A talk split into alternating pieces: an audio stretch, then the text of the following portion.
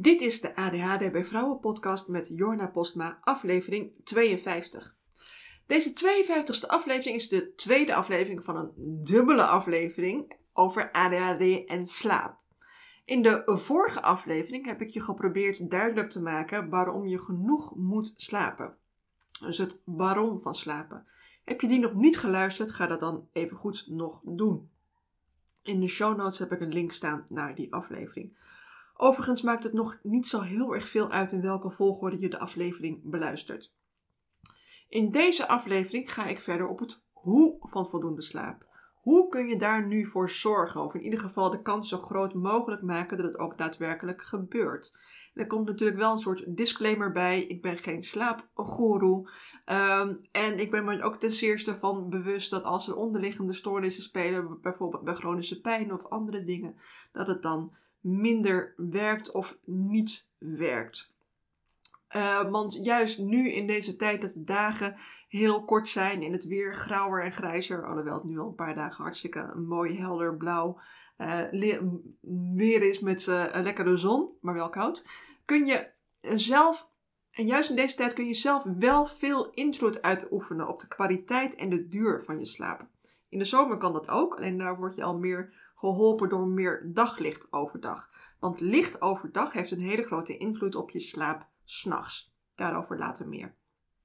Ook deze nieuwe lockdown kan invloed hebben op je slaap. En juist in dit soort situaties is het belangrijk dat je je wel aan een slaapritme houdt. Dat je het niet laat ontsporen in steeds later naar bed en steeds later opstaan. Want je wil juist dat je slaapritme de andere kant uh, op uh, beweegt en niet nog later naar bed en nog later opstaan.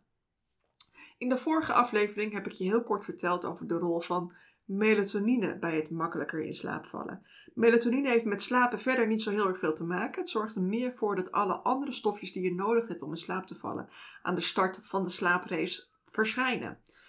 Melatonine is namelijk degene die het startschot geeft, als je de metafoor van slapen als een atletiekwedstrijdje ziet. En melatonine is een hormoon dat je zelf aanmaakt als het s'avonds donkerder wordt. Het wel of niet aanmaken van melatonine is dan ook erg afhankelijk van licht en dan met name van blauw licht. En nog een disclaimer, bij blinde mensen is dit ook vaak verstoord en helpt het dus niet. Je hebt waarschijnlijk wel gemerkt dat laptops en telefoons al blauw lichtfilters hebben, waardoor het blauwe licht na zonsondergang vanzelf wordt gedimd, net zoals het in de natuur gaat. Hierdoor stimuleer je de natuurlijke aanmaak van melatonine. Bij ADHD is het aangetoond door wetenschappelijk onderzoek dat wij gemiddeld later melatonine aanmaken dan mensen zonder ADHD. Waardoor we ook lastiger in slaap vallen s'avonds, omdat het een rommeltje wordt als je een atletiekwedstrijd moet lopen. En de starter is er niet om het startschot te geven. Inslapen is dan echt wel even een dingetje.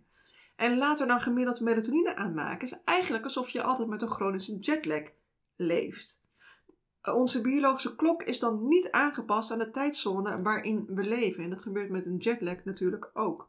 En misschien herken je dat ook wel met de overgang naar zomertijd. Dat je daar echt altijd een paar dagen door van slag bent. Dat de klok een uur vooruit wordt gezet. En je dus nog een uur extra uit de pas loopt eigenlijk met je eigen biologische klok.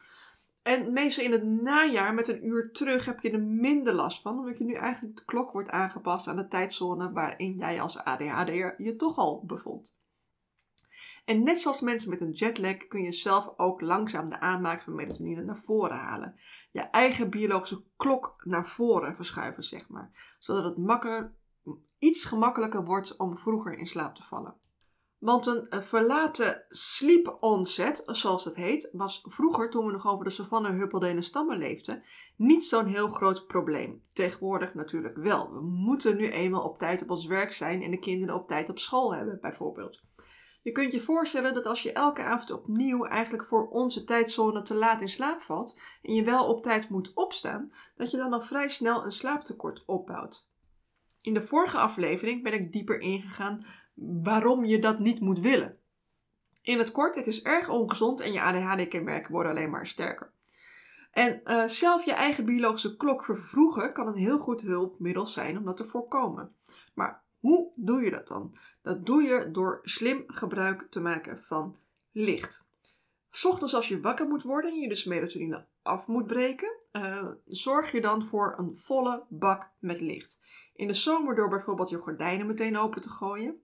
En in deze tijd van het jaar en op dagen als uh, we de afgelopen tijd vaker hebben gezien als het de hele dag nauwelijks echt licht wordt buiten, kun je het ook met kunstlicht doen. Ik ben zelf nu een paar weken aan het experimenteren met een lichtlamp. Dat een, een daglichtlamp voor in de ochtend. Uh, via de link in de show notes zie je welke ik gekocht heb. En het is uh, anekdotisch bewijs, natuurlijk geen wetenschappelijk uh, onderzoek, want mijn uh, populatie waarin ik, het, waarin ik het onderzocht heb bestaat uit één persoon, namelijk mijzelf. En, maar ik merk wel dat ik beter de dag start met zo'n bak licht. Ik wou eigenlijk zeggen met zo'n bak licht op mijn bakkes, maar dat terzijde. Um, omdat zo'n bak licht meteen, s ochtends breekt dus die melatonine af, waardoor je veel sneller alerter bent. En dat helpt dus ook door ochtends al meteen het grote licht aan te zetten. Dus ook beneden in de woonkamer. Ik gebruik daar de Philips Hue lampen voor. Die kun je instellen in verschillende standen en met verschillende kleuren licht. Ik heb het nu zo ingesteld dat in de ochtend het uh, felle, meer blauwe licht aanstaat. En in de loop van de dag verschuift dat langzaam naar wat warmer licht. En een uur voordat ik naar bed ga, gaan de lampen zelfs bijna uit. En nu zijn die Philips Hue lampen best prijzig. Ik snap best dat dat voor niet iedereen haalbaar is. Er zijn tegenwoordig ook goedkopere alternatieven. Maar ik vond het uiteindelijk, ook al was het een klap geld in één keer, wel een enorm goede investering. Omdat dat me dus op de lange termijn helpt om beter te slapen. En daar wordt iedereen beter uh, van. Bovendien heb ik de lampen die er nu in zitten beneden al, ik denk al meer dan zes jaar. Dus je doet er ook nog best wel heel erg lang mee. Um, en met kunstlicht kun je dus op deze manier spelen als de dagen, dagen donker en grauw zijn. In de zomer, als het veel langer licht is buiten, kun je s ochtends juist gebruik maken van de hoeveelheid natuurlijk zonlicht. Want zonlicht is vele, vele, vele, vele, vele malen sterker dan welke daglichtlamp dan ook. En vanaf de namiddag moet je daar dan in de zomer ook wel wat uh, voorzichtiger mee omgaan. Dan bijvoorbeeld een zonnebril op te doen als je naar buiten gaat of vitrage of jaloezieën voor de ramen om het verder licht wat meer te filteren. En inderdaad vanaf de namiddag alvast het licht op je beeldscherm te dimmen door middel van de blauwe lichtfilters. De moraal van dit verhaal is dus eigenlijk ochtends juist een enorme baklicht, zodat de melatonine snel wordt afgebroken. Vanaf de namiddag steeds minder licht om de aanmaak te stimuleren. En in de lijstjes met uh, slaaphygiëne-regels die je online kunt vinden, en ik neem aan dat je net zoals ik bent, dat als je je hele leven al slechte slaper bent geweest, dat je er heus wel eens naar gezocht hebt hoe je dan beter kan slapen. Um, in de lijstje staat ook altijd dat je een uur voordat je naar bed gaat niet meer op schermpjes moet kijken. Dus niet meer op je telefoon, niet meer op je tablet, niet meer op je tv. Maar laten we wel wezen, dat advies is natuurlijk prima. Het advies is niets op af te dingen. Te dingen. Alleen, we doen het niet. Het gaat bijna niemand opvolgen, dat advies, want we zijn zelf eigenwijzer. Tuurlijk pakken we wel die telefoon of die tablet en kijken we tv vaak zelfs in de slaapkamer. Ik heb zelf bijvoorbeeld al jaren geen tv meer in de slaapkamer en dat bevalt me uitermate prima. Ik kijk wel vlak voordat ik naar bed ga nog tv. Dat zou ik eigenlijk niet moeten doen, maar ik doe het toch, want ik ben net zo eigenwijs als iedereen en misschien zelfs nog een tikje eigenwijzer. Um, en tv's hebben op dit moment nog geen blauwe lichtfilters, voor zover ik weet. Een oplossing die ik vroeger gebruikte was om tv te kijken met mijn zonnebril op. Tegenwoordig heb ik eh, sowieso al een blauw lichtfilter, uh, want ik ben brildragend en ik zit vaak de hele dag achter de computer. En uh, dit heet, zo'n blauw lichtfilterbril heet ook eigenlijk een computerbril, omdat het helpt als je de hele dag achter een beeldscherm zet, ziet, zit om je ogen wat minder vermoeid te laten maken. Maar het, het werkt dus ook voor televisie kijken dat je minder blauw licht opvangt. En wederom anekdotisch bewijs, want ik heb alleen mezelf onderzocht en bij mij helpt het. Dus ik uh, weet niet wat de, wat de wetenschap hierover zegt. Um, in de vorige aflevering heb ik het ook kort gehad, gehad over melatonine supplementen gebruiken. En dat kan ook zeker helpen, doe het wel altijd in overleg met een arts. Want op eigen houtje beginnen aan melatonine supplementen is niet zo'n goed idee. Daarmee kun je je eigen ritme nog meer in de war gooien als je niet de juiste dosering gebruikt.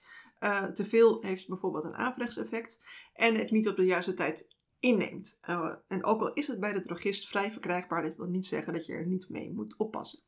Want je wil natuurlijk niet dat je alles nog verder in de war schopt dan het al was. Je kunt je ook voorstellen dat als je de hele week druk bent geweest om je biologische klok naar voren te laten verschuiven, dat je dan in het weekend later naar bed gaat en uitslaapt, dat je dan weer opnieuw kunt beginnen met alle gedoe van dien. Een belangrijke regel voor een goede nachtrust is dan ook om eigenlijk altijd ongeveer op dezelfde tijd naar bed te gaan. En ja, dat betekent dus ook in het weekend. Ja, maar Jona, dat is saai, hoor ik je bijna hardop zeggen. En dat is het natuurlijk ook.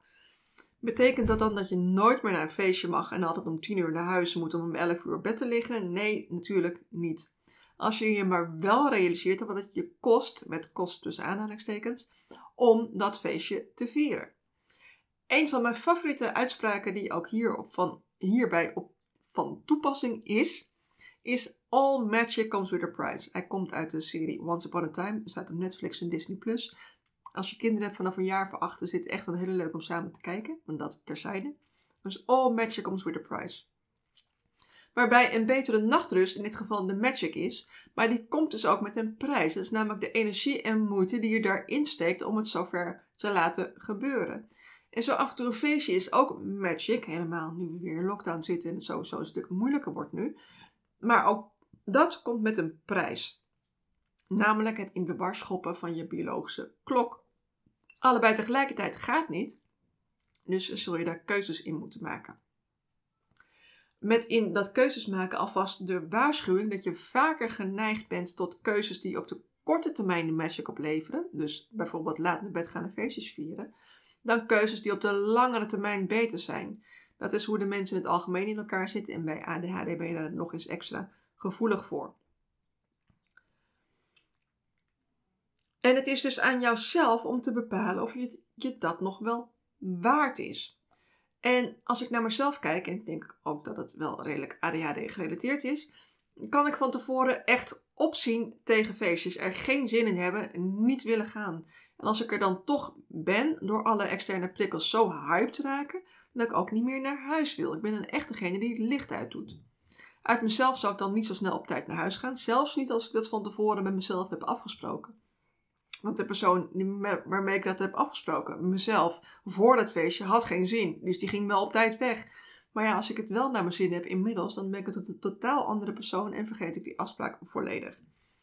En dan is een externe factor, zoals we de afgelopen twee jaar, bijna twee jaar hebben gehad, dat de horeca um, niet later dan 12 uur sloot, wel stiekem toch ook wel heel erg lekker. Daar gelaten wat dat betekent voor de omzet van de horeca. En ook daar gelaten wat deze nieuwe lockdown ook weer voor de horeca betekent. Want daar heb ik het niet over. Ik heb het nu alleen maar over de invloed die dat kan hebben. En eigenlijk misschien best wel een positieve invloed is op jouw slaappatroon. Dat je niet meer elke uh, weekend tot vier uur s'nachts in de kroeg induikt of uh, elders een feestje viert. Um, ik weet dat deze podcast ook beluisterd wordt door wat jongere mensen dan ik zelf ben. Ik ben zelf 46. En ik hoor je dan ook denken, mogen we dan helemaal niet meer feesten? Ja, natuurlijk mag je wel feesten. Je, je hebt mijn toestemming echt niet nodig om dat te gaan doen. Ik denk zelfs dat het ook een heel erg belangrijk deel is van jong zijn. Dat je wat vaker dingen doet die eigenlijk niet zo heel handig zijn. Want daar moet je toch zelf achter komen. En het is op een andere manier natuurlijk ook wel weer goed voor je ontwikkeling met daarbij nu in de lockdown zitten, wel met een moeilijke waarschuwing om je wel gewoon aan de regels te houden. Hoe stom dat nu ook is. En ik heb het zelf ook wel gedaan hoor. Donderdagavond uit, s ochtends vroeg naar huis om te douchen en om te kleden. Toen mocht er nog gerookt worden in de kroeg. Dus je stond dan gewoon een uur in de wind. Dus je moest zeker wel even douchen. Om daarna weer rechtstreeks de collegebanken in te duiken. Slim? Nee, zeker niet. Het helpt je academische vaardigheden ook niet echt, zeg maar. Maar het is wel een ervaring. Nu we het toch hebben over uitgaan, nog een ding dat vooral de kwaliteit van je slaap heel erg beïnvloedt. En dat bedoel ik niet ten goede, maar echt ten slechte. En misschien kun je hem al raden, maar dat is het drinken van alcohol. En dat klinkt tegenstrijdig, want het lijkt alsof je door alcohol te drinken juist beter slaapt. En dat lijkt zo omdat je door alcohol makkelijker in slaap valt. Maar de kwaliteit van je slaap echter is veel en veel en veel minder. Als je alcohol drinkt, is je remslaap bijvoorbeeld veel minder.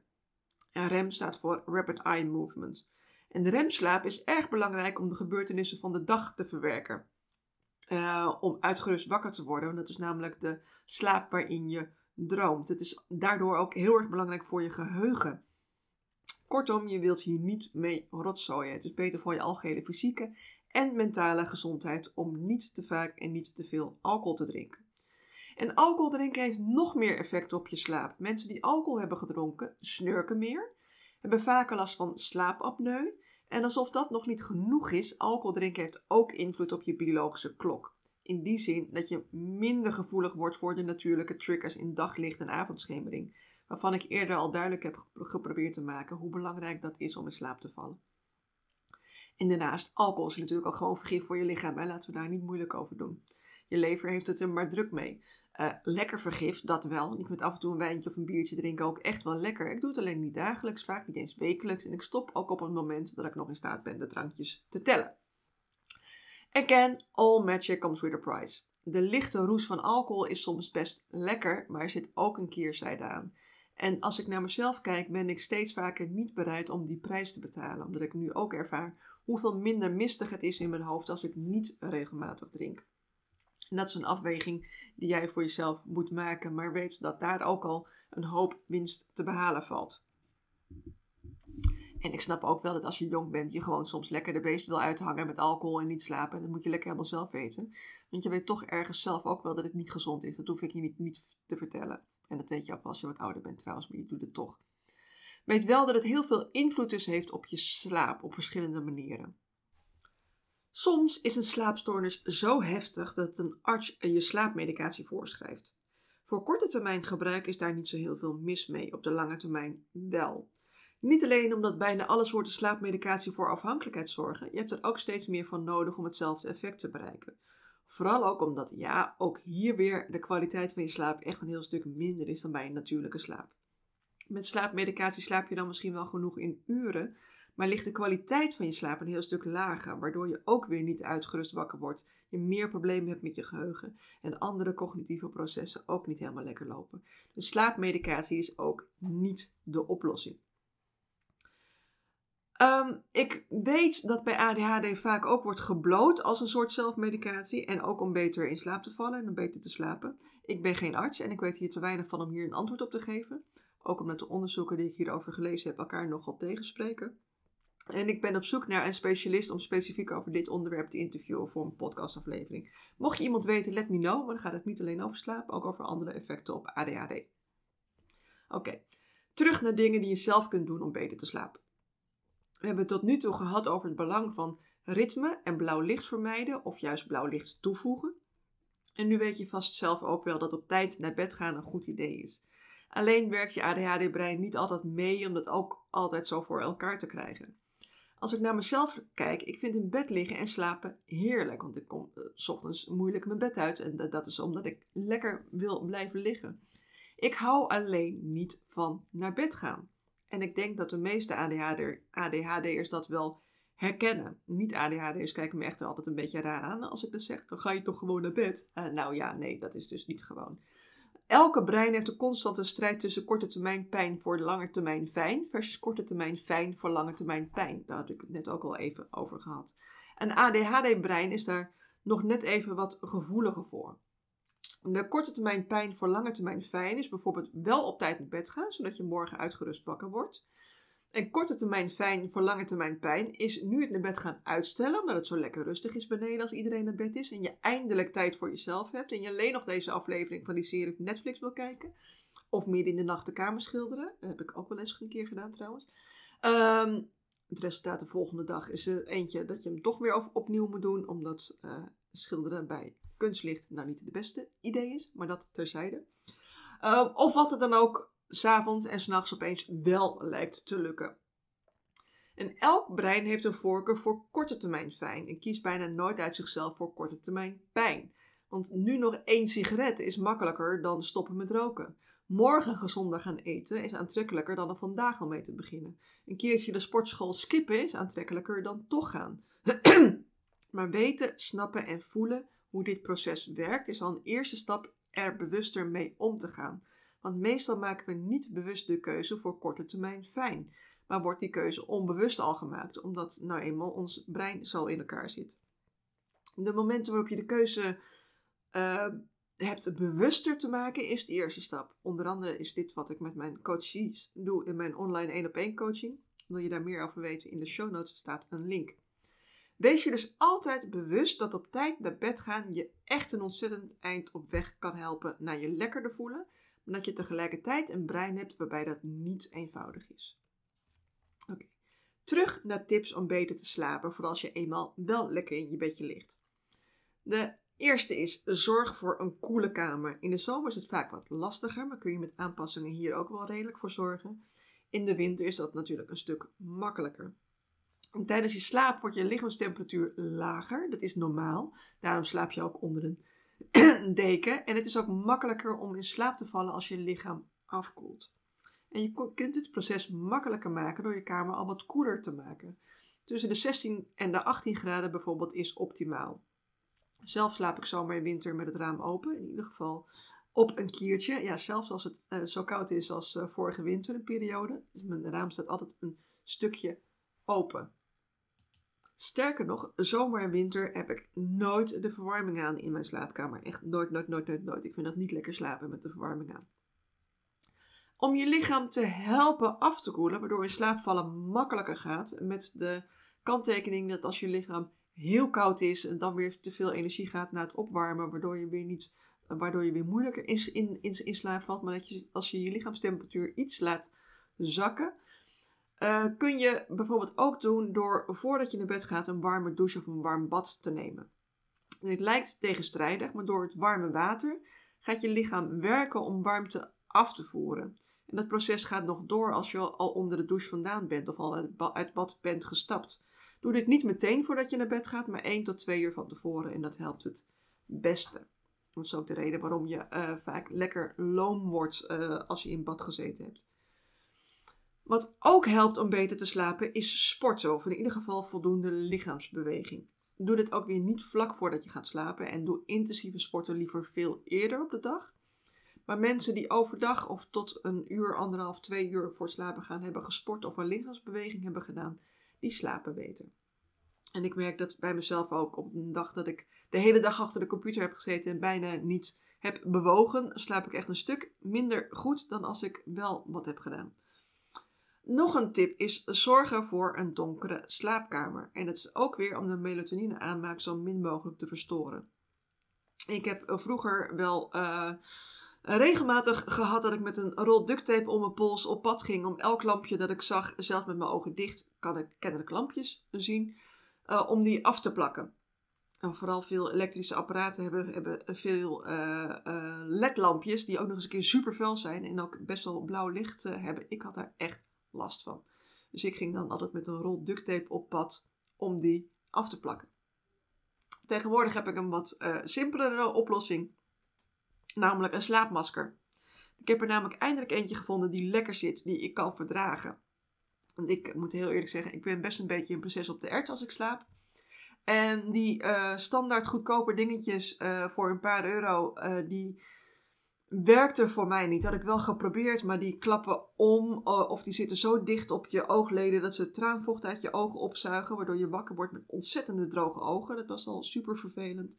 Of het uh, elastieke bandje om je hoofd was te dun, waardoor het een beetje, een beetje in, je, in je achterhoofd uh, snijdt. Allemaal niet ideaal.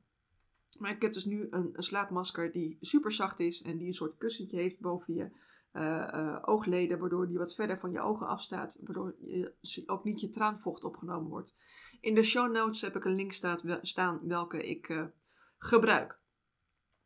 Het is ook belangrijk om je slaapkamer alleen met slapen te associëren. Gebruik je slaapkamer dan ook alleen om te slapen. En voor seks, want dat is toch het meest comfortabel in een bed, of ligt dat ook aan mijn ouder worden? Um, en niet voor televisie kijken bijvoorbeeld, of om te werken. In het begin van de eerste lockdown, dus dat is nu alweer bijna twee jaar geleden, uh, werkte ik nog wel eens vanuit bed. Omdat dat op dat moment de enige plek in huis was waar ik alleen was. Omdat natuurlijk opeens iedereen thuis zat en aan het uh, werken of, op uh, school bezig was. tegenwoordig heb ik gewoon een kantoortje waar ik dus gewoon lekker kan werken. Want werken vanuit bed is niet bevorderlijk voor een goede nachtrust. Maar andersom, het is ook niet bevorderlijk voor een productieve werkdag als je werkt op dezelfde plek waar je ook slaapt. Dat geldt dus ook voor televisie kijken en andere dingen doen. Daarnaast is een goed matras en een goed kussen natuurlijk ook belangrijk en kan dat een wereld van verschil maken. En dat, bedoel ik dan ook echt. Ik kwam er namelijk een paar jaar geleden achter dat ik probeerde in slaap te vallen zonder dat ik echt lekker lag. Ik was de verbinding met mijn lichaam zo ontzettend kwijt dat ik dat niet eens door had. Door uh, te beginnen met mediteren kwam ik dus op die manier daar ook achter trouwens. En dan vooral de bodyscan meditaties is dat een stuk beter geworden. Ik gebruik in mijn coaching ook vaak meditaties die ik zelf heb ingesproken, die voor mijn coaches beschikbaar zijn. En dat kan zo ontzettend fijn zijn en heel erg helpend zijn. Hetzelfde als een goed matras. Ik zei net al van ik ben net een prinses op de ert. Bij mij moet een matras echt niet te hard, niet te zacht zijn, maar precies goed. En een kussen moet ook niet te hard, niet te zacht zijn, niet te dun, niet te dik, maar precies goed. In de uh, show notes heb ik links naar de matrassen die ik gebruik. Een vraag die ik laatst kreeg over uh, iets heel anders. Dat ging over eten om beter te slapen. Die kreeg ik via, via uh, een DM op mijn Instagram. Nu zijn er voor zover ik weet geen voedingsmiddelen die je helpen om beter te slapen. Anders dan uh, warme melk drinken voordat je naar bed gaat. En dat is vies. Tenminste, persoonlijk vind ik dat echt heel erg vies. Voor mij mag je het lekker vinden. Ik uh, krijg het niet naar binnen zonder te kokhalzen. Dat terzijde. Maar er zijn wel een aantal dingen die je kunt doen die ook met eten te maken hebben en wel een negatief effect hebben. Zo is het bijvoorbeeld handig om niet te kort voordat je naar bed gaat te eten. En dan zet je je spijsvertering nog helemaal aan als je in bed ligt en door, daardoor de rest van je systeem ook.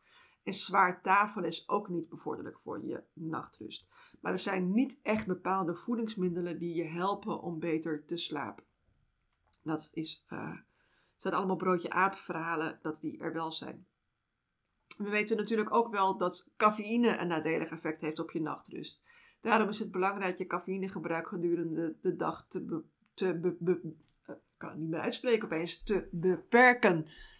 Afhankelijk van hoe je lichaam cafeïne verwerkt, heeft uh, cafeïne een halfwaardetijd van tussen de 5 en de 8 uur.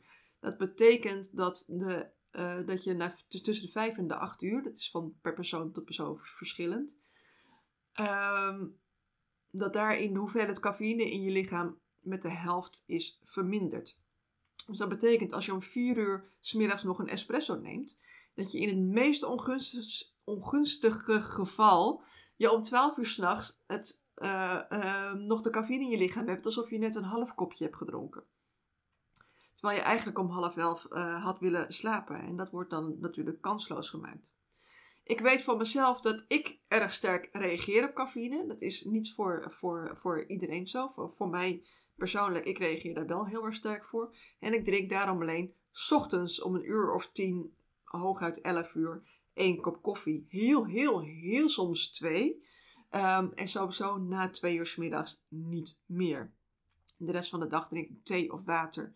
En ik stap ook in de namiddag over van zwarte thee op uh, meer kruidenthee. En nu hou ik sowieso zo alleen van hele slappe zwarte thee. Dus zal de cafeïne daarin ook wel meevallen. En energiedranken, uh, zoals de Red Bulls van deze wereld, daar houd ik me verre van. Ik vind ze niet lekker en ik reageer er ook gewoon te sterk op.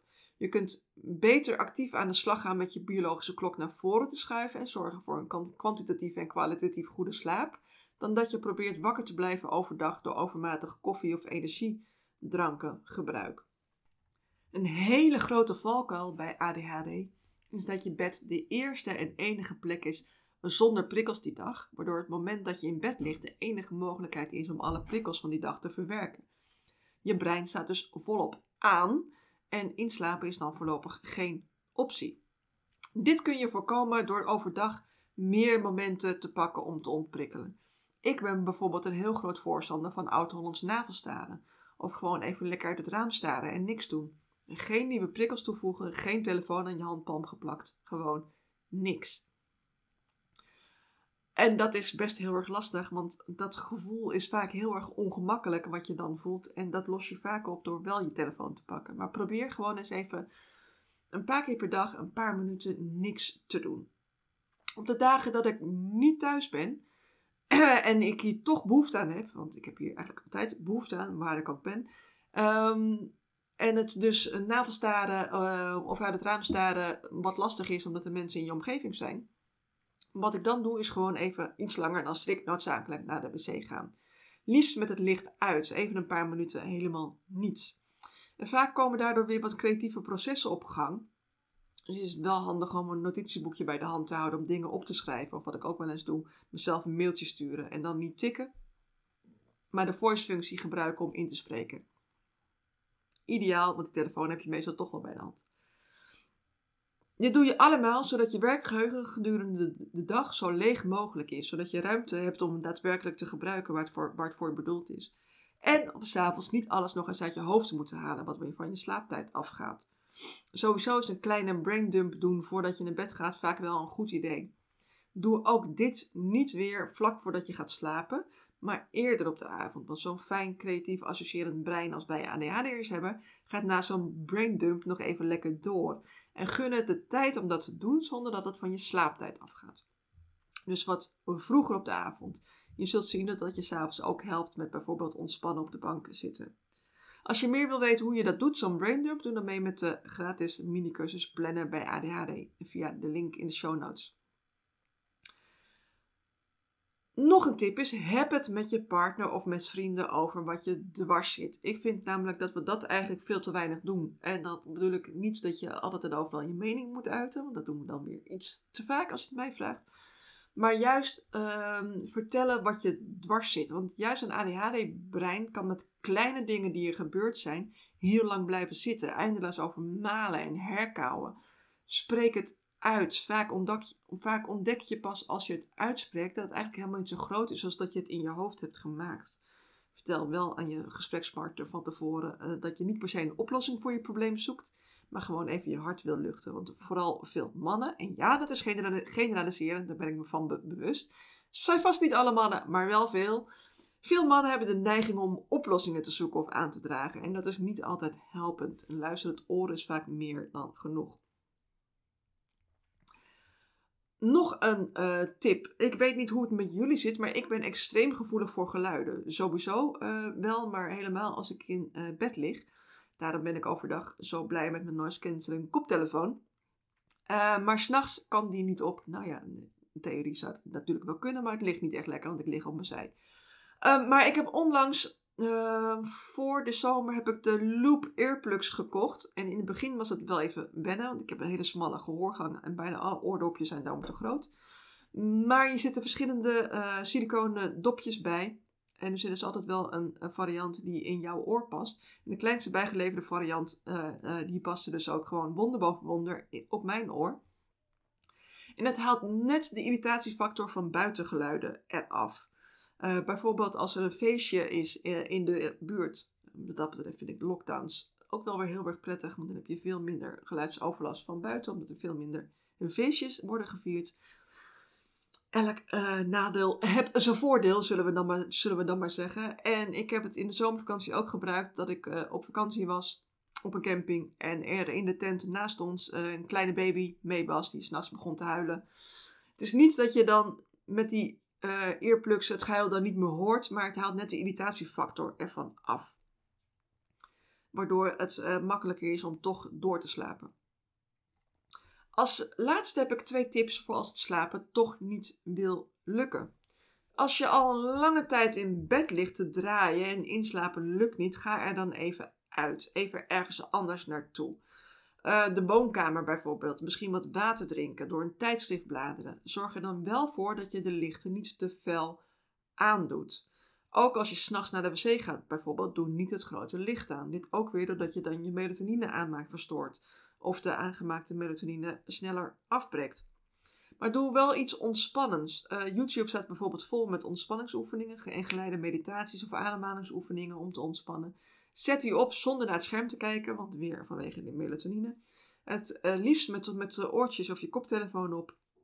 Of zet de helderheid van je scherm heel erg laag. Of draai je telefoon gewoon om, zodat hij met het scherm naar beneden naast je ligt.